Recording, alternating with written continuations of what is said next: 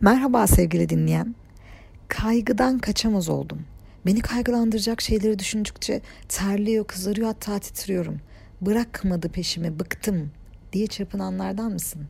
Kaygısı gölgesi olmuş insanlar bugün konumuz. Hadi konuşalım. Herkes için normal olan bir durum seni kaygıdan kıvrandırıyor. Uçağa bindiğinde kaygı seni bitiriyor diyelim. Müdürün gelip araçla ya da otobüsle gidemeyeceğin bir toplantıya gideceğini söylediğinde o kadar kötü olursun ki sen iyi görünmüyorsun istersen bir hava al bu ne hal denir sana. Akşam ancak uyku ilacıyla uyuyabilirsin kabus görmemek için. İlaç alırsın, alkol kullanırsın, yeter ki uçağa binebilesin. Buna rağmen uçağa bindiğinde terden sırılsıklam olursun. Kravatını gevşetmek, belki elbisenin bir düğmesini açmak zorunda kalırsın. Hostes bile sana gelip iyi olup olmadığını sorar. Uçak indiğinde litrelerce terlemişsindir ve havalimanından nasıl çıktın, taksiye bayılmadan nasıl bindin bilemezsin. Kesin ne kadar zavallı olduğumu düşündüler, rezil oldum diye düşünürken taksi şoförü uçak sana ne yapar kardeşim der ve korkağın teki olduğumu düşünüyor diyerek üstüne bir de taksi şoförü yüzünden üzülürsün. Topluma karışmakla ilgili sorunları olduğunu söyleyerek gelen danışanlarımın çok sayıda kaygı sorunu olur panik atak, sosyal fobi, kapalı yer fobisi dediğimiz agorafobi falan gibi. Sosyal hayata karıştığında reddedileceğin, küçük düşürüleceğin, karşıdakilerin seni değersiz bulacağı ve aşağılayacağına dair düşünceler geliştirmiş olabilirsin. Bu nedenle sosyal hayatta kimseyle görüşmemeye, iş hayatı içindeki takım çalışması içeren görevlerden kaçınmaya çalışır. Şehir dışı işleri tanımadığın insanlar var diye gitmezsin topluluk önünde yapılacak her türlü eylem dehşete kapılma neden olur. Genelde dehşete kapılmakla açıkladığım bu durumsal hallerin sebebi ne? Tabii ki içinde büyüttüğün devasa kaygı. Korkutma veya tehdit içeren bir durumla karşılaştığında verdiğin fiziksel ve psikolojik tepkilere kaygı diyoruz. Her insanın kimi zaman bu duyguyu yaşaması çok normal. Bunu biliyorsun zaten. Kalabalık önünde konuşurken hiç endişelenmeyen, kaza atlattıktan sonra ne olacak canım, canım deyip yoluna devam edip panik yaşamayan, terfi ya da zam konuşmasını yapmak üzere amirin odasına girerken kaygı duymayan biri var mı sence? Sana daha ilginç bir şey söyleyeyim. Üzerine onca olumsuz anlam yüklenen kaygının bir miktarı faydalı bile. Güvenliğinle ilgili duyduğun kaygı seni tehlikelerden korur. Başarı yolunda duyduğun kaygı yapacağın işlerin sonuçlarının olumlu olması adına seni motive eder. Yani kaygılıysan hayatını güvende tutmak, hayatını korumak adına bir miktar önlemler alırsın. Ya da kaygılıysan sınavına son gün çalışmazsın gibi geleceğini garanti altına alacak şekilde kendini motive edersin. Ama güvenlik sağlanması gerekmediği ortamlarda da tehdit altında gibi kaygılı ya da çok iyi bildiğin bir konuda dahi başaramama korkusuyla kıvranıyorsan kaygının artık faydalı kısmından çıkmış olduğunu söyleyebiliriz. Peki onca kötü anlam yüklenen kaygı evrimsel olarak temel koruyucu meleklerimizden biri. Bunu biliyor musun? Yaşlı dünyamızda insanın bulunma süresi pek çok canlıya göre çok kısa. İnsanlık bu süreçte çok hızlı ilerleyip çağlar atladı ama beyin hala ta ilkel zamanlardaki o ilk zamanlardaki benliğiyle düşünüyor. Nasıl mı? Tehlike anında önce hareket eder, sonra düşünürsün. Şöyle düşün. Karşıdan bir vahşi hayvan saldırmak üzere. Senin üzerine koşuyor. Hedefi ben mi başkası mı diye düşünmekle kaybedemeyeceğin kadar kısa bir süren var. Aynı şey üzerine gelen bir araba olduğunda ya da depremi duyumsadığın ilk birkaç saniyede de geçerli. O kıymetli zamanı düşünerek geçirirsen gerçekten başına korkutucu şeyler gelebilir. Böyle durumlarda beynin kaygı ve korku senaryolarını devreye sokarak seni harekete geçirir. Adrenalin salgılarsan, adrenalin savaş ya da kaç der sana. Bu hormonla birlikte terlersin, kan dolaşımın hızlanır, kalp atışın yükselir. Bunların hepsi savaşma ya da kaçma ile ilgili fiziksel tepkilerin. Ortada endişelenecek bir durum olmadığı ortaya çıkarsa beyin yavaş yavaş durulur ve rahat davranmaya başlar.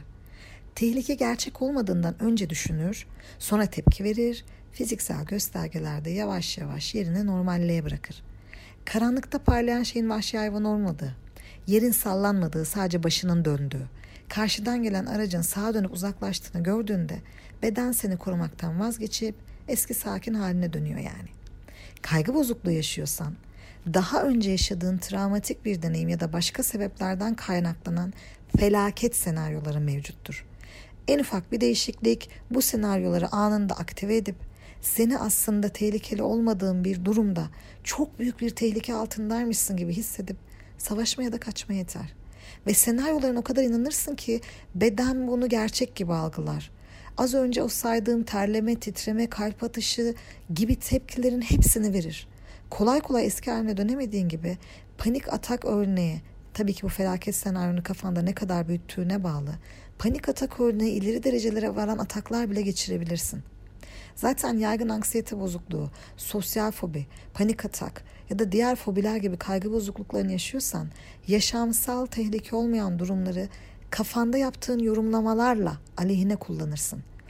Aynı uçakta kaygı bozukluğu olan ya da olmayan iki insan olsun mesela. Uçak türbülansa girdiğinde her ikisi de kalp atışında artma, içten gelen bir acaba ile tedirginlik hisseder. Bu oldukça normal. Kapalı bir kutuda gidiyorsunuz. Uçak sallanıyor. Endişelenmemek mümkün mü? Peki hikayenin devamı nasıl olur? Hikayenin devamı iki insan tarafından farklı yazılırsa sonuçları da tamamen farklı olur değil mi? Kaygı sorunu olmayan kişiye bakalım. Uçak türbülansa girdi. Evet düşme tehlikemiz var diye düşünüyor. Uçak yavaşladığında ve türbülansın etkisi geçtiğinde birazdan geçer. Yolumuza devam ederiz. Hemen her uçuşta olabilecek bir durum der. Kaygı bozukluğu olan kişi kesin düşeceğiz. Zaten belliydi başımıza bir şey geleceği. Uçak bu türbülanstan çıkamayacak. Çıksa bile tekrar gidecek. Sağ salim inemeyeceğiz diyerek durumla ilgili olabilecek en uç felaket senaryolarını üretir. Her ikisinde görülen fiziksel tepkiler türbülans geçtikten sonra da muhtemelen şöyle ilerler. Kaygı bozukluğu olmayan kişi yavaş yavaş eski haline dönerken kaygı bozukluğu olan kişi uçak inene dek taş kesilmiş haliyle oturur, kalp atışları düzelmez ve sırılsıklam olur. Muhtemelen bir dahaki uçuşunda türbülansa gerek kalmadan bu tepkileri uçağa bineceğini düşündüğü andan itibaren geliştirmeye başlar. İki insan, tek bir olay, birbirinden bambaşka iki farklı tepki ve sakinleşemeyen bir kaygı bozukluğu olan kişi. Bu durum seni hasta edip terapiye getirirken diğerini normal akışında tutuyor. Peki ne onu normalinde tutarken seni hasta ediyor? Daha önce söylediğim gibi gerçekten tehlikede geçerli olan önce harekete geç sonra düşün ilkesini tehlike yokken de kullanmandan kaynaklanıyor. Kafanda kurduğun ihtimalleri gerçek gibi düşündüğünde otomatik düşünce dediğimiz felaket senaryoların devreye giriyor. O andan itibaren tüm kötü ihtimalleri gerçek gibi düşünürsün. Gerçek sandığın felaket ihtimali büyük tehlikede olduğunu izlenimini vererek bedeninde tepkiler patlaması yaşatır. Dominoların yıkılması misali olabilecek tüm kaygı ve korku tepkilerini göstermene neden olur. İhtimaller ne kadar korkutucuysa verdiğin tepkiler o kadar büyük, tepki süresi o kadar uzundur. Ve bu senaryolar uçak yolculuğu örneğinde olduğu gibi bir olayla bağdaştığında artık o olaya ilişkin otomatik kaygı ve korku tepkileri geliştirirsin. Ya ya bu deneyimi yüksek kaygı seviyesinde tekrar tekrar yaşar ya da bu durumu yaşamamak için yapmaktan kaçınıp hayatını kısıtlayıp daraltmaya başlarsın. Yani uçağa bineceğini duyduğun anda sanki uçakta türbülanstaymış gibi tepki verir bedenin.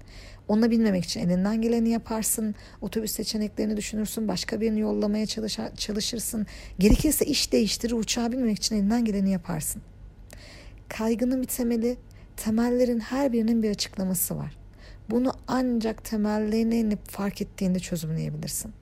Sürekli yoğun kaygıyla yaşamak ya da kaçtığın, kaçındığın şeyler dolayısıyla hayatını daraltmak yerine yardım isteyebilirsin. Yaşadığın kaygı normalin çok üzerindeyse bu durum iş, aile, sosyal yaşantını olumsuz anlamda ciddi şekilde etkiliyorsa ve en az 6 ay olmak üzere uzun süredir devam ediyorsa kaygının artık senin için bir psikolojik sorun olduğu ve bu durumda ancak bir uzmandan destek alarak bu sorunu aşabileceğini bilmelisin. Olayları yorumlama şeklin elbette hayatta edindiğin deneyimlerden kaynaklanır. Ama aklından geçenlerin gerçekliğini sorgulayıp sadece ihtimal olduğunu düşünerek bile kaygıyla mücadelede ciddi bir adım atmış olursun. İhtimal çoğul bir kelimedir değil mi? İhtimalin olduğu yerde en az iki seçenek mevcut. Uçak düşecek ve daha önce oldu. Düşmedi. Yolumuza devam ettik. Yine onlardan biri olabilir gibi. Eğer bir şeyi gerçek sanırsan köşeye sıkışırsın. Gerçek tektir. Kaçışın yoktur.